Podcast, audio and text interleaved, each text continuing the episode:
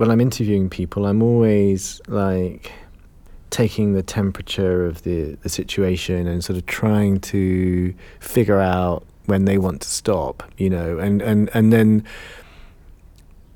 often there's a moment when somehow it you kind of think, okay, this is you feel like both people, both parties say, okay, this is the this is the finishing point now, and I'll just say something like, okay, great, you know, something like that, just a signal that. Or do you, is there anything else that you want to add?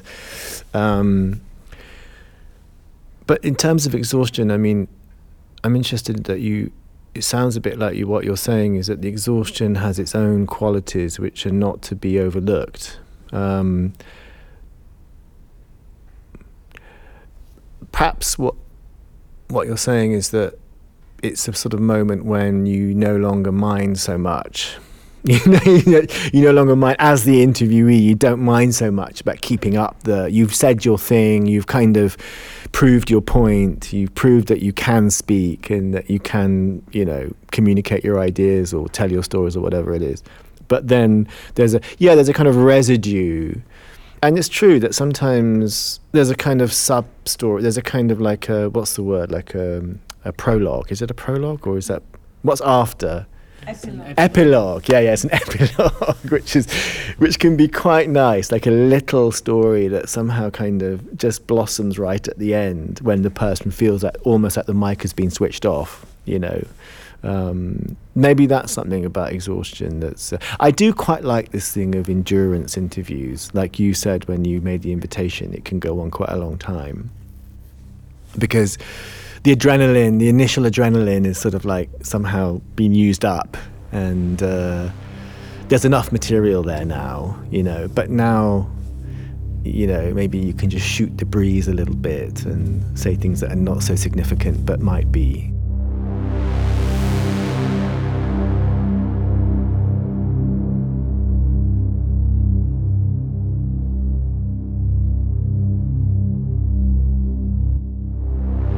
Grant Watson is a London based curator and researcher.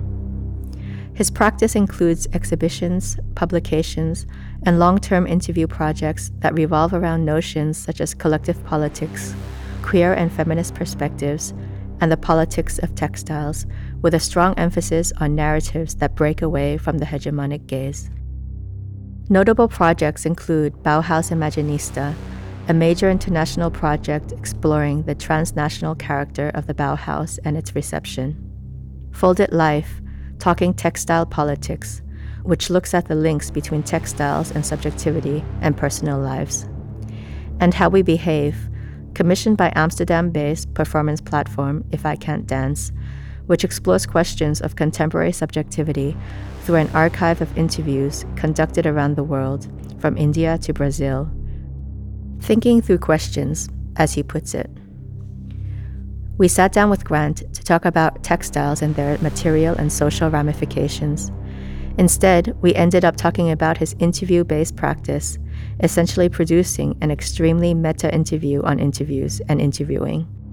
In this podcast, Grant Watson talks about enacting, editing, demographics, transference, capturing the atmosphere of an interview, and other issues that he explores in one of his main ongoing projects, How We Behave.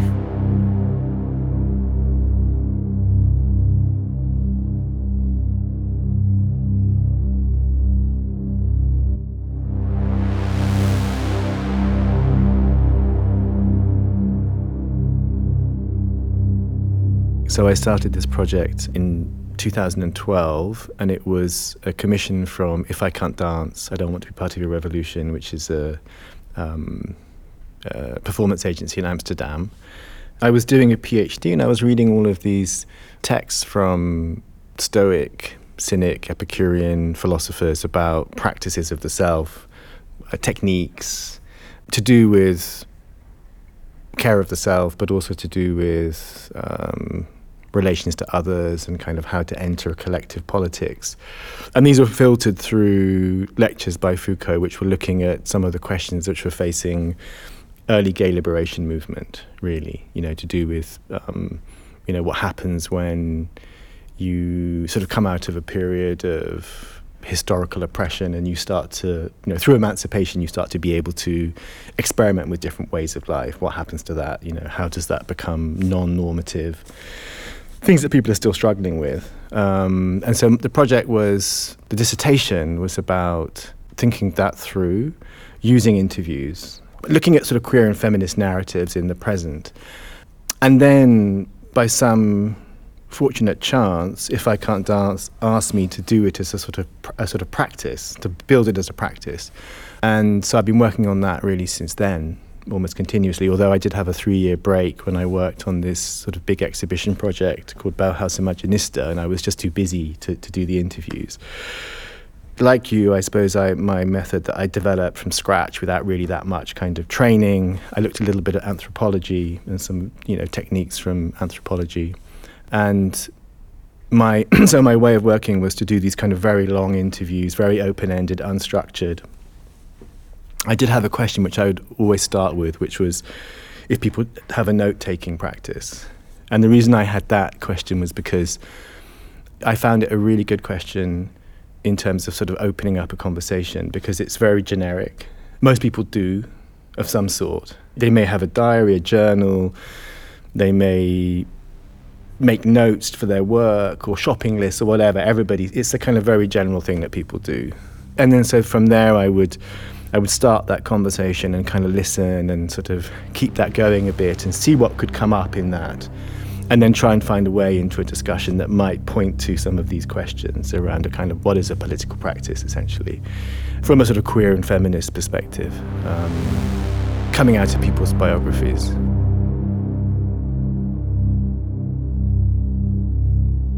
We did try, we experimented in the beginning with kind of group conversations. So we had this format where we would sit around a table, five people, and we also working with performers that came along with If I Can't Dance. It was rather kind of ad hoc the way that we, we um, conceived of it. And then we would have the interviewee sitting there and we would all speak to them and we would try to make it kind of relaxed. But in the end, it, it had a very performative atmosphere because there were so many at the table, you know. But subsequently, I've let that go because it's too complicated to take around with you, you know, and, and I'm finding myself going into lots of different kinds of situations to do interviews where, you know, you can't set up a table and have five people. And so I sort of gave that up, and I'm now much more kind of doing one to one with a recorder that can happen in any place, really. I mean, they can happen um, on the street, even. Although the street I don't like particularly because it doesn't have that feeling of concentration and focus, which I try to. You know, I'm really interested. I mean, you probably too. I'm really interested in the atmosphere of the interviews. What kind of atmosphere can you generate in that space, in a space, with another person? Because I, one one of the things that I'm, you know, really interested in and now I feel a bit self-conscious saying it, is this idea of the kind of the performative quality of the interview, not in terms of a complete, you know, download of fully comprehensive thoughts, but more in terms of people somehow finding something in the interview that's new for them out of the conversation. So it's not like a rehearsed conversation. It's like uh, they come in, you develop a dynamic, and then at some point, people start to say things that they hadn't thought of, and it's generative. And what's interesting actually was when I was looking at this sort of some of the kind of ethnographic interview writing, they were talking about this as well as a kind of an artistic component, that there is a kind of creative, there's this sonic element where people are starting to invent and uh, use different kinds of words and language and, and formulations.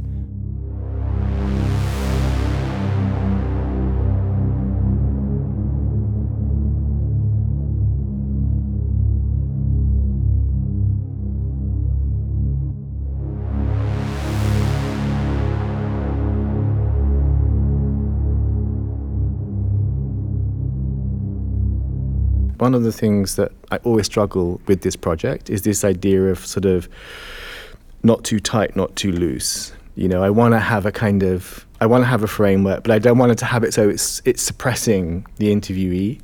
Um, but at the same time, if you have no entry point, people are lost and it, it doesn't make sense to them, and you can't really fairly ask them into the project. So I'm always navigating that, you know. My training, really, or my kind of profession, has been as a curator, and I see it as a, as a curatorial project in, in, in the sense of working with materials, you know, assembling materials, um, thinking through questions through that process of a kind of collective engagement with others, including objects, obviously, in a more traditional exhibition setting. But where I start to really look at more artistic practices for inspiration and techniques and tools in a way is when it comes to mediating the material.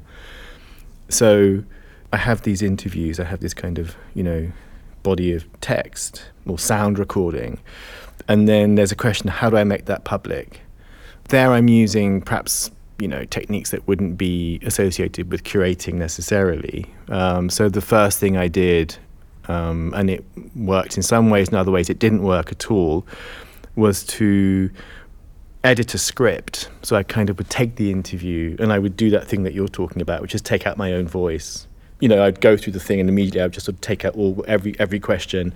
Then I would somehow formulate it as a narrative, like a story, and then I would reduce it down to maybe three or four pages, and then I would invite the interview. I would do this with the interviewee, so I would be sending them, you know, proposals. Okay, this is my idea, you know, and, and when I the way I edited was often through this sense that something had been said in the interview like there was a certain moment when something was really being said, you know, because in interviews you have these lulls and you have these long periods where nothing is it's just sort of finding its feet and then you might be have a kind of you know five minutes of full on down you know people are really saying something and then i would often sort of find that i'd hear it in the interview i'd then edit it out i would send it to the interviewee and say okay this is this is the story that i've heard in the thing and then i would invite them to come and read that and we filmed that.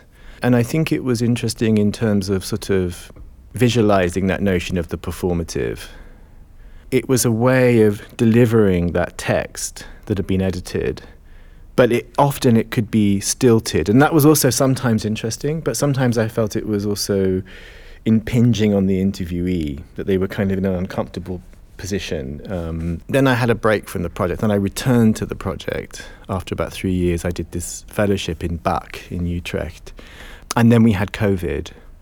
Um, and then, because of COVID, because I couldn't do the filming, and because also I was trying to rethink it a bit, I decided that what I would do is actually not necessarily make it that the people who had given the interview would do the reading, that they could do it or somebody else could do it. So to kind of just de-individuate the interviews a bit, kind of disconnect them from their the narrator and make them in a more of a flow of, of stories. Um, and so what I did was I worked with, you know, some voice actors, friends, to read those interviews with no image. And I think in the end it worked much better. You know, I've kind of played them in different contexts and people respond to them. They don't. The, the, the visual thing I think becomes very overwhelming, and the story gets a bit lost. The most interesting thing is going back to the interviewee with the, with the recording. For example, I did one interview with a woman who is um, half Palestinian, half Yugoslavian, and she grew up in, in Yugoslavia. Um, and when she was about 15, she moved to Palestine. She moved to Ramallah. and the story is long, very, very long interview, two hours or something. And the, the sort of text that came from it was also quite long and it included a lot of detail of family history, geopolitics, and it kind of covered a, a rather particular moment in Palestinian struggle that lots of people had experienced, but maybe hadn't been so fully documented, which was this kind of return after the Oslo Accord. I think that was the, that was the, the thing that kind of precipitated the possibility of going back anyway, so we did that. I did the edit, and then I took it away, and I did a voice reading with somebody from London, and then it was subsequently broadcast online as part of a presentation of what we've been doing in BAK. The woman in question wasn't able to come because of COVID, and she heard it with her family around the table. and her son was listening to it, and he said, "Hang on a minute, that's our story," you know. And I think it was like somehow. I don't know what that means precisely, but it felt significant that someone's story could be heard somehow in a way that wasn't that family story being told over and over again, but as something that was part of a kind of bigger picture, part of a history, and was becoming part of other people's experience. You know, so it's that thing of, of the way that individual narratives get shared and become part of a kind of a collective discourse. I think that's that's the thing. You know, that's the de-individuating the narratives, making them part of a collective discourse. Doesn't matter necessarily who who's who. You know, in this. So, for example, we did a presentation at the HKW in Berlin recently. Um, where I edited about four or five bits of interviews that were sort of around this question of different forms of politics, you know, from a kind of a politics engaged in the poetics of the everyday to a politics which is about, you know, taking on the state and the way that people position themselves in relation to these questions. And in that, I invited five people to do readings, including myself. We did a couple of very quick rehearsals. Um, we were just moving the text around and, oh, I'll read this bit, and then maybe you can read that. Somebody else reads it, it sounds better from them. And then it just becomes this, this sort of audio space um, that doesn't really belong to anybody.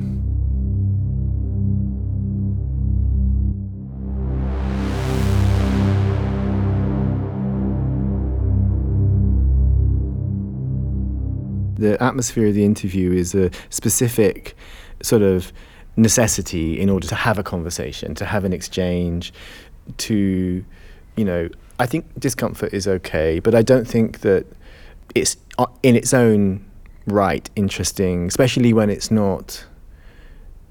I feel a kind of, um, what's the word?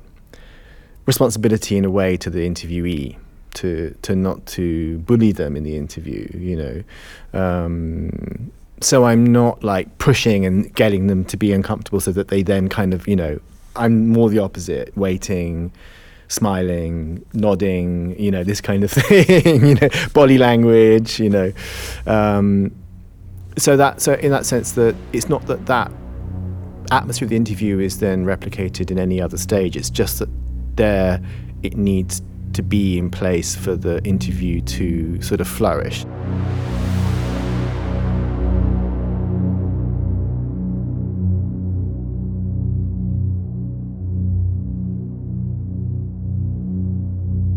I totally agree. I hate enactments, you know, when especially on the radio when that's where I hear it most. You know, this is voiced by an actor. I'm like, ah, it sounds horrible. But I think the difference with the the readings is that there isn't that kind of effort to make it real. You know, I think it's the effort to make it real that makes reenactments horrible because you know they're not and they don't sound it. And I think, for example, the reading we did in the HKW I think worked well. And I have to say that I'm. This is a a project in process. You know, the forms of mediation are still. I'm still fi- figuring them out. You know, but what I liked about it was the fact that I read one Frédérique, who's the director of If I Can't Dance, read one, and then we had uh, an actor who's brilliant read one very dramatically. And then we had a woman who had given the interview in the first place read hers, and each one had a slightly different thing. And I think it was, it kind of didn't feel like we were trying to trick everybody that this was somehow real. It wasn't. It was a reading, um, and it was, it was kind of the setup was quite modest, you know um, just some chairs and mics and you know the scripts or whatever. So.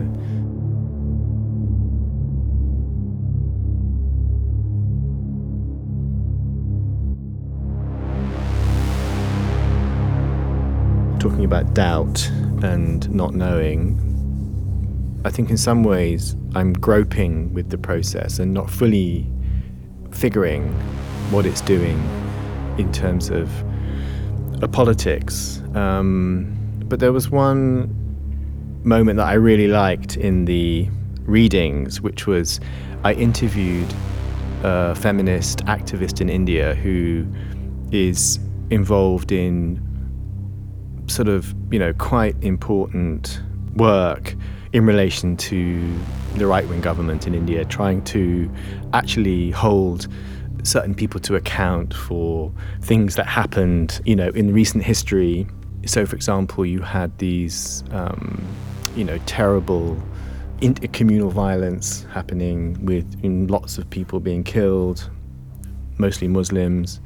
And this is something which she has been sort of basically fighting for for, for a decade or more as a kind of Marxist feminist.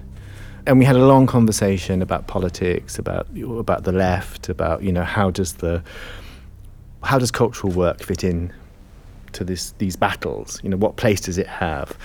And in in the reading, I work with uh, an actor, um, transgender actor, and she is Brazilian.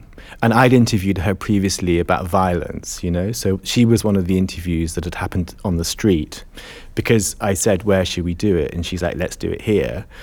We started the interview, and the interview was this kind of story of how she'd grown up in Brazil and, and how she'd uh, um, become an actor, how she had been faced a lot of violence as you know as an adolescent how she'd come to London thinking that this would be a place where she could live and you know safely and how she's actually beaten up very badly on the street um, very close to where we were sitting. So there was a sort of charge to the interview and then in the talk, she started to talk about this other story, which was the story of this feminist activist in India and the kind of violence that was being perpetrated there in public spaces.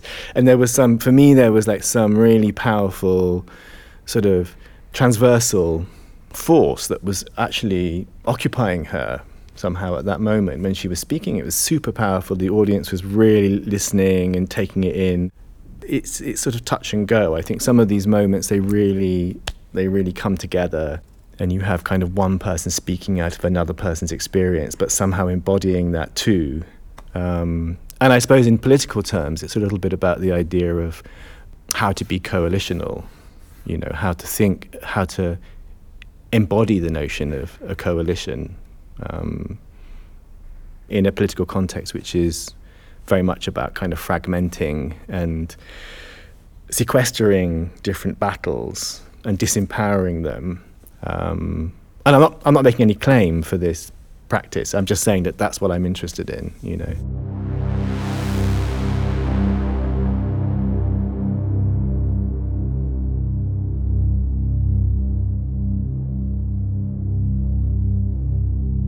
I'm interested in minoritarian positions. Um, and that's coming mostly from a kind of queer politics, which is very closely aligned to feminism.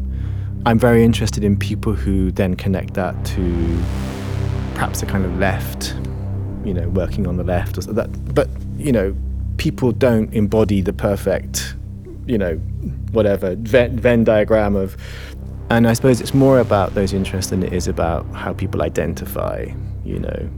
So it's not about kind of one a person's identity it's more about sort of what might they say in that in that interview. The demographic, I would say, for how we behave is mostly people working in the cultural field or connected somehow to the cultural field. Often people who are sort of between a kind of artistic practice and maybe a, a kind of theoretical interest and a political interest, you know. So there are so many people like that in a way, you know, the idea of the kind of artist or the curator or the academic or whatever. I mean, it's sort of becoming much more entangled in, in the way people work. So in a way, it's kind of my demographic. Then there's this question of, well, is this kind of elitist group? And in some ways it is, I think, because, you know, it's a group that has access to knowledge and, and you know, um, some kind of cultural some cultural capital maybe, and travels, you know. But at the same time, I think it's a group that's very precarious. It's a kind of precariat that, that that's sort of surviving from bits of teaching jobs and you know the odd commission, maybe a talk. So many people are in this position in this economy. You know, they don't have a proper contract. They kind of they fill in here and there, they keep their time open so that they can do their independent practice. That's sometimes supported, sometimes not, you know.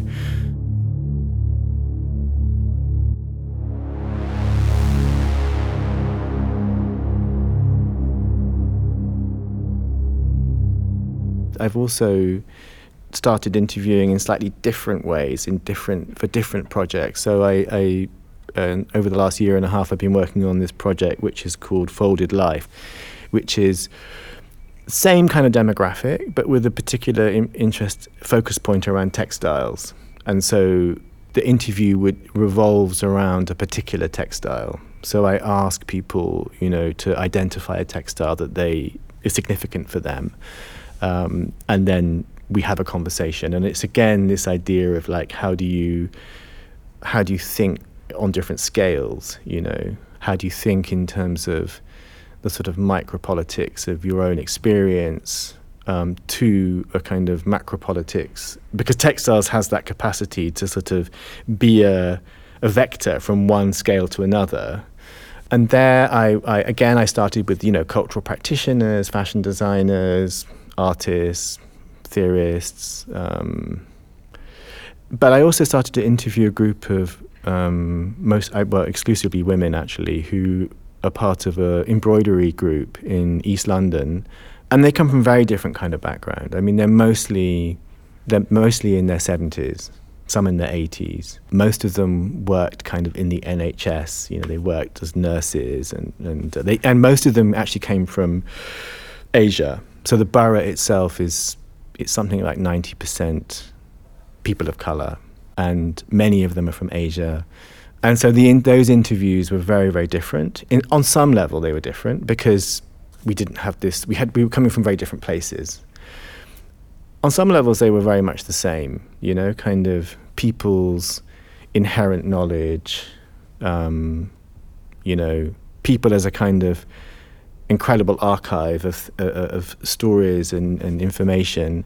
And in this case, it was very much about kind of those migratory paths from, you know, South Asia to Malaysia, coming to Britain in the, in the 1970s, working in the NHS, um, settling here, um, having children, why they were doing textiles, you know.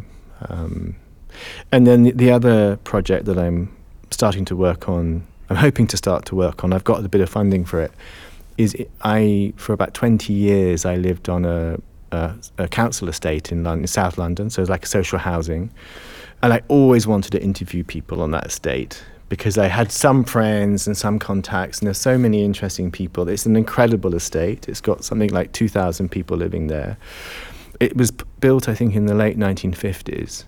And right from the beginning, it's been the kind of place that where migrants are housed. So it's really done the work over like five decades of integrating communities into London. It's also in this area which is, you know, just it's, it's it's in South London. It's near Vauxhall, so it's near this Nine Elms, which is a huge development, which is the biggest development in Europe. It's like eight billion. It's incredible. I mean, the American embassy so you have this big estate, and then next to it you have like this. You can imagine the kind of regeneration apartment blocks that towering over it. Thousands of people moving into the area. Um, but these people kind of somehow sustaining a community within all of that. So that's what I'm. That's my next interview project. Um, and then the added element that I'm going to try out for that project is a collaboration with an artist called Yael Davids, who works with Feldenkrais, which is a is a, te- is a is a physical therapy technique, and it's a, it's very unclear how it will work. But we have this th- idea that maybe it would be interesting because the the, the Feldenkrais is uh, she says I don't know so much about it, but she's been practicing it for sort of about ten years and. And I've been doing the interviews for the same amount of time, and we speak a lot about what we're doing and so we had this idea that maybe we could join forces and, and, and offer people this Feldenkrais as a, as, a, as a therapy and then do interviews alongside. One of her ideas is that actually the, the, the Feldenkrais is a way of kind of releasing. Well, I know from doing it myself that when you do those exercises. You're lying on the floor, you're kind of moving out for an hour and a half or something. Lots of thoughts emerge, lots of memories emerge. It's a very interesting thing when you move your body in a certain way that you suddenly have very strong memory of, of something. So, our, our proposition, our speculation is that it could be interesting to see what happens if you kind of put these two things side by side as, as ways of working.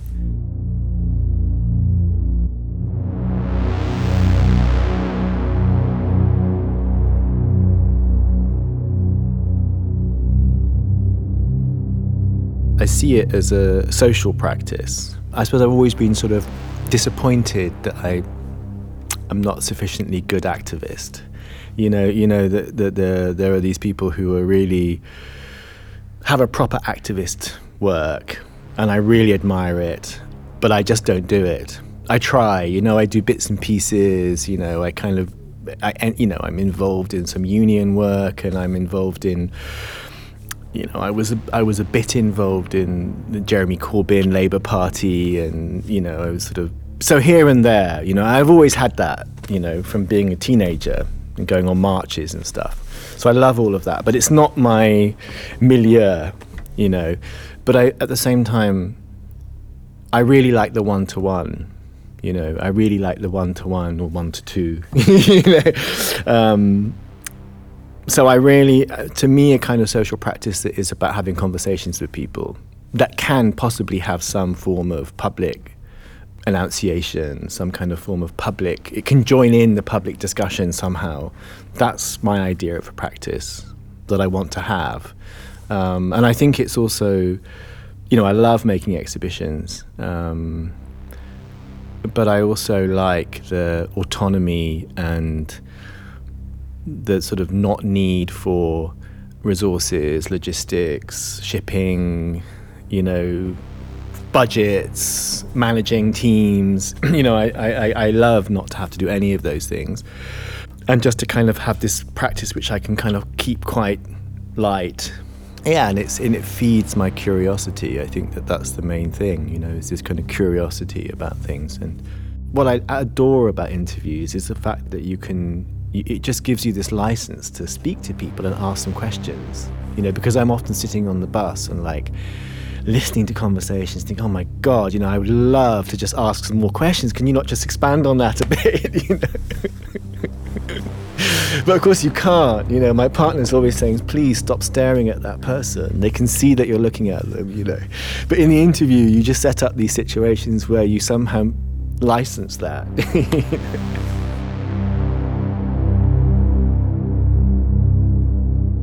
One of the things about the project is it sort of it sort of happens in bursts. So, you know, one burst was when I went to India and I did interviews um, there, and I was doing it very much within the context of um, the 377 of the Penal Code, which was this law that was um, criminalizing homosexuality, which is a colonial law that was overturned by one Delhi High Court or the Supreme Court, um, and then a group of religious figures got together. I mean, it was like sort of Buddhist, Muslim, Christian, you know, Hindu, something like this. You know, suddenly they were in coalition with each other, and they they um, wanted to bring they wanted to overturn the overturning of the law, and so they did then there was another kind of uh, initiative which was to strike that down, which happened in the end. So there was like a quite convoluted process of back and forth with this law. In the meantime, people were sort of coming out, you know, because they partly because, of course, the circumstances were there socially, you know, there was a kind of social moment for that, but also because people suddenly were less afraid because the law wasn't there anymore. But then, of course, the law was brought back and it was like, what do we do now? You know. Anyway, within all of that, and I'm not. I think it was after the.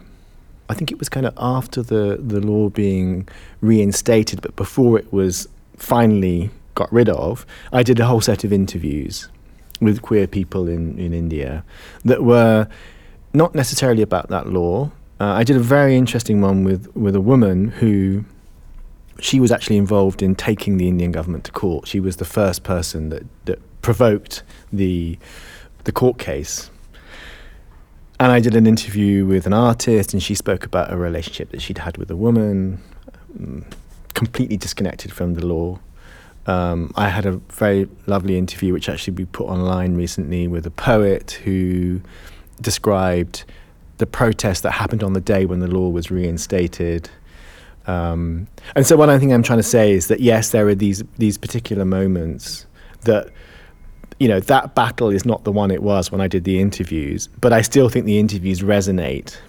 Um, and I still go back to them a lot because I think historically it's interesting, you know, to think about what it is to live under kind of criminalization. Um, plus, I think that somehow that those stories were they were superseding the law, you know, so the law didn't contain that particular historical moment and its legal formation didn't contain those stories. And in fact, that's one of what one of the interviewees says when he talked about this. Um, he refers to this Langston Hughes poem, which is about how um, called Harlem and how a law that was affecting African Americans was not overturned, but at the same time, society was was changing. You know, in at the level of the kind of the social and the micro political, people were emancipating themselves, and I think that's what what uh, was one of the things that people said about that time that people were taking the opportunity, partly through legalization, but also partly through the fight to establish kind of different um, new norms in society.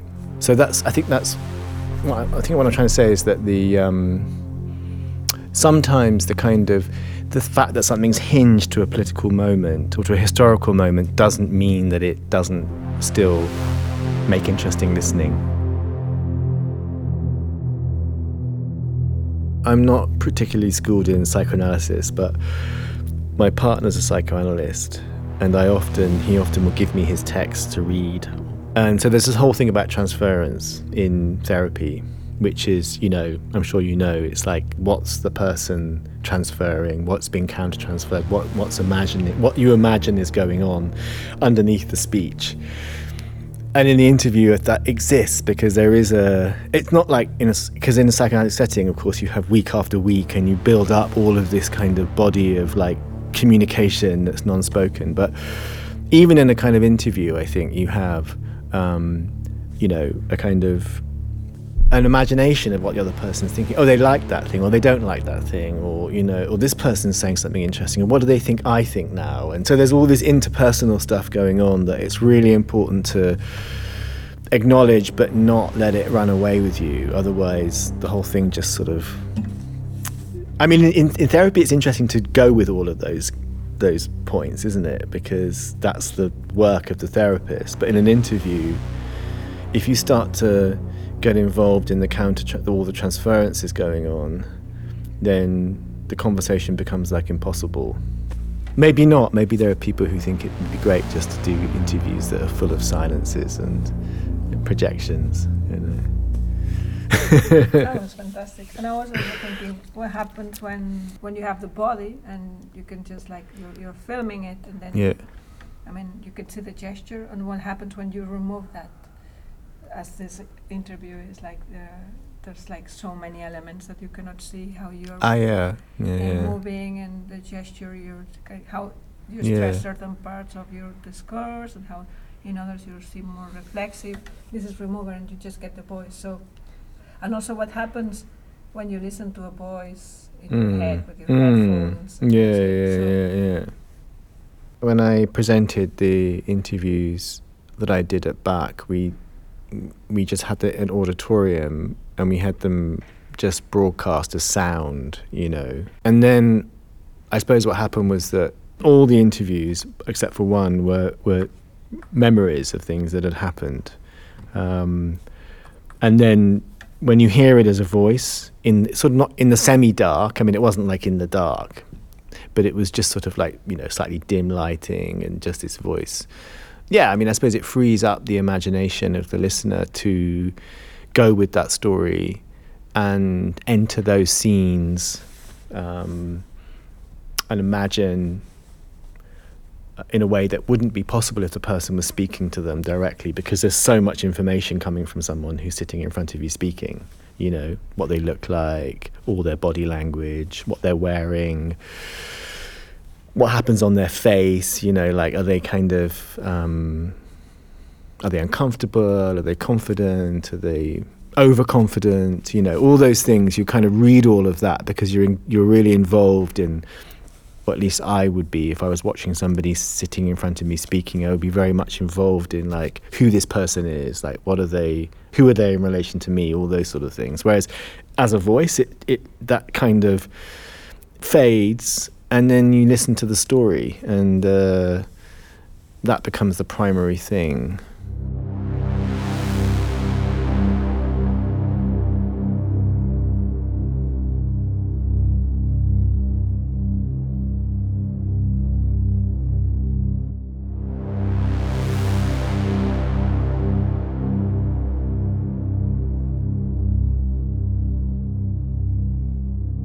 and then of course the editing is a is a is a very different atmosphere. It's you know sitting at a computer, looking at the text, listening to it. I often um, one thing that I've learned to do, which I really enjoy, is to kind of you know go for a walk with my headphones in the park and listen to the interview several times and not see it as a chore to listen to this two hours, but actually to you know have some pleasure in it.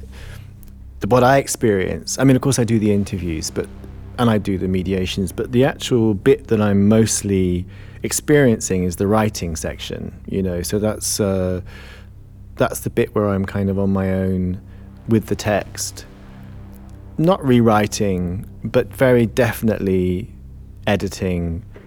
Like I don't quite take things and put them at the beginning, but I definitely move things around. You know, within sections, I you know, I, and it's it's a complicated. I try to sort of refine passages, but not to lose the tone of voice of the speaker.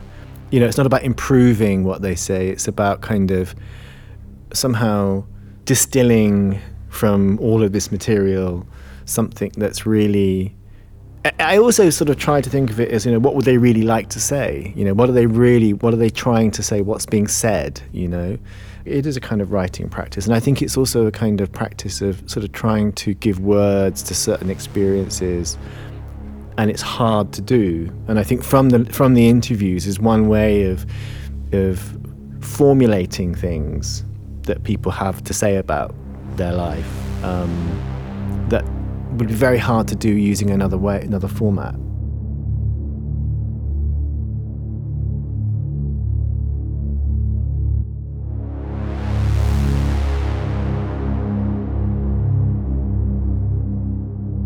Yeah, super interesting though to have an interview about interviews. but I suppose there's something here which is about interviews as a form, isn't it? And I, and I think maybe you know rather than the subject matter, um, interviews as a practice, as a form, which is what you do and what I do. And the subject matter is important, but it's somehow um, just one element in all the elements, you know. Um, yeah, no, it was really super interesting. I can't wait to hear it. Can I? but I, can I have the, both the whole thing and, and the edits? Yeah, great thing about interviews is that they can do all these different registers at the same time. You know, so if you write a text about art, it tends to be on one register. But interviews, they like, they switch between personal, historical, theoretical, unintelligible. You know what I mean? They're just kind of like moving all over the place.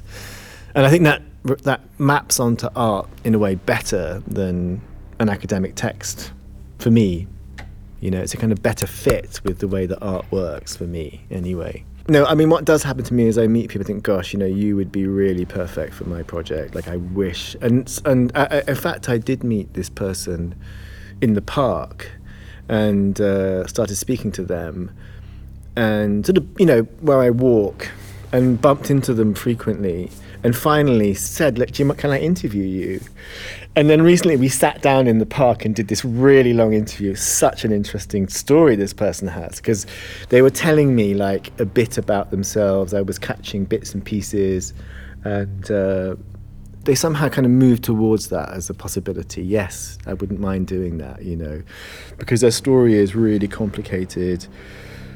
It's not tragic, but it's a very troubled history, you know. We're complete strangers, but we sort of just met and somehow started saying hello to each other and then what am I trying to say? I'm trying to say that in a way, the fact that I do interview suddenly found its place in a context outside of the interview situation. So, like, just in a kind of public space sort of thing. Yeah.